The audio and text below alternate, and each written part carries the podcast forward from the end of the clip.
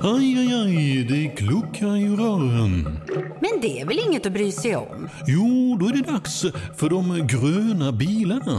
Spolarna behöver göra sitt jobb. Spolarna är lösningen. Ah, hör du? Nej, just det. Det har slutat. Vanligaste sökorsaken när folk skriver till mig som sexologiskt eh, inriktad psykoterapeut, det handlar ju i mångt och mycket om olika typer av lustar. Eh, att man har olika nivå av lust till sexualitet och närhet och att den eh, skillnaden på lust liksom skapar ett relationellt problem. Att man kanske bråkar om det, den andra längtar mycket mer efter den andra rent sexuellt jämfört med den andra eh, och att det skapar konflikter.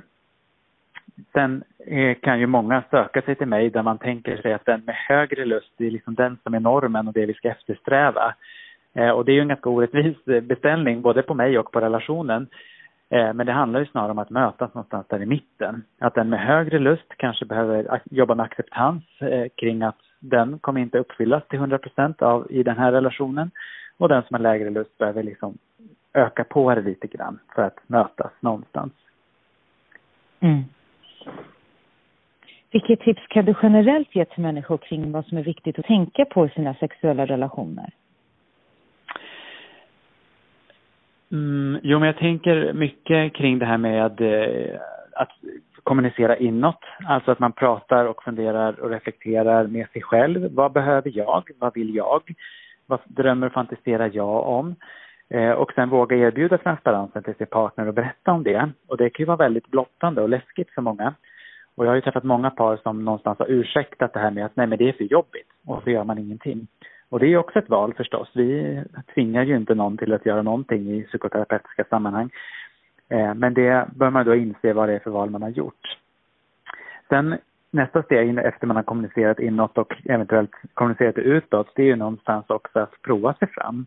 Många vill ju ha snabba lösningar på komplexa problem eh, och det går ju tyvärr inte. Och då måste jag jobba med delvis en acceptans för det men också se, går det att utforska på andra vis? Mm. Hur skulle det kunna vara då? Eh, där sätter ju egentligen bara fantasin gränser. Men vi är ju inte så fantasifulla som folk alla gånger. Vissa absolut, eh, just det här nej. För att vi inte är så vana att liksom luckra upp de föreställningar vi har om sexualitet i en tvåsamrelation. Eh, utan vi går gärna på vad traditionen har givit oss och har svårt att se alternativen. Och då brukar jag göra en övning som jag också har gjort vid första ögonkastet, eller gör med alla som söker. Det är en övning som jag kallar för sexkartan. Och det är egentligen en, en associationsövning. Man tar ett papper eller valfritt material man kan skriva på och så skriver man ordet sex i mitten. Och sen öser man bara ur olika ord som kommer till en när man ser det här ordet. Vad är det för tankar som uppstår? Vad finns det för känslor kopplat till det här? När har man sex? Hur har man sex? Varför har vi sex? För att där någonstans komma i kontakt med sina egna föreställningar om hur det här ska gå till. Och där kan man ju också göra en tvåsamrelation där man gör en sån här sexkarta var och sen så jämför man. Vad har vi gemensamt? Och då får man också lite information kring vad vi har som fungerar som vi också ska utgå ifrån, men också vad vi märker där vi skiljer oss åt. Och går det att mötas i det så kan man prova det. Eh, går det inte att mötas i det så kan man diskutera, är det så pass viktigt i vår relation att vi måste agera ut på det här eller inte? Är det jätteviktigt så får man väl diskutera det, kanske med en tredje part. Är det inte lika viktigt så är det inte så viktigt. Ett poddtips från Podplay. I fallen jag aldrig glömmer djupdyker Hasse Aro i arbetet bakom några av Sveriges mest uppseendeväckande brottsutredningar.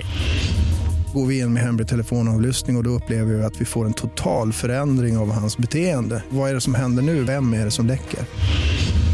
Och så säger han att jag är kriminell, jag har varit kriminell i hela mitt liv men att mörda ett barn, där går min gräns. Nya säsongen av Fallen jag aldrig glömmer på Podplay.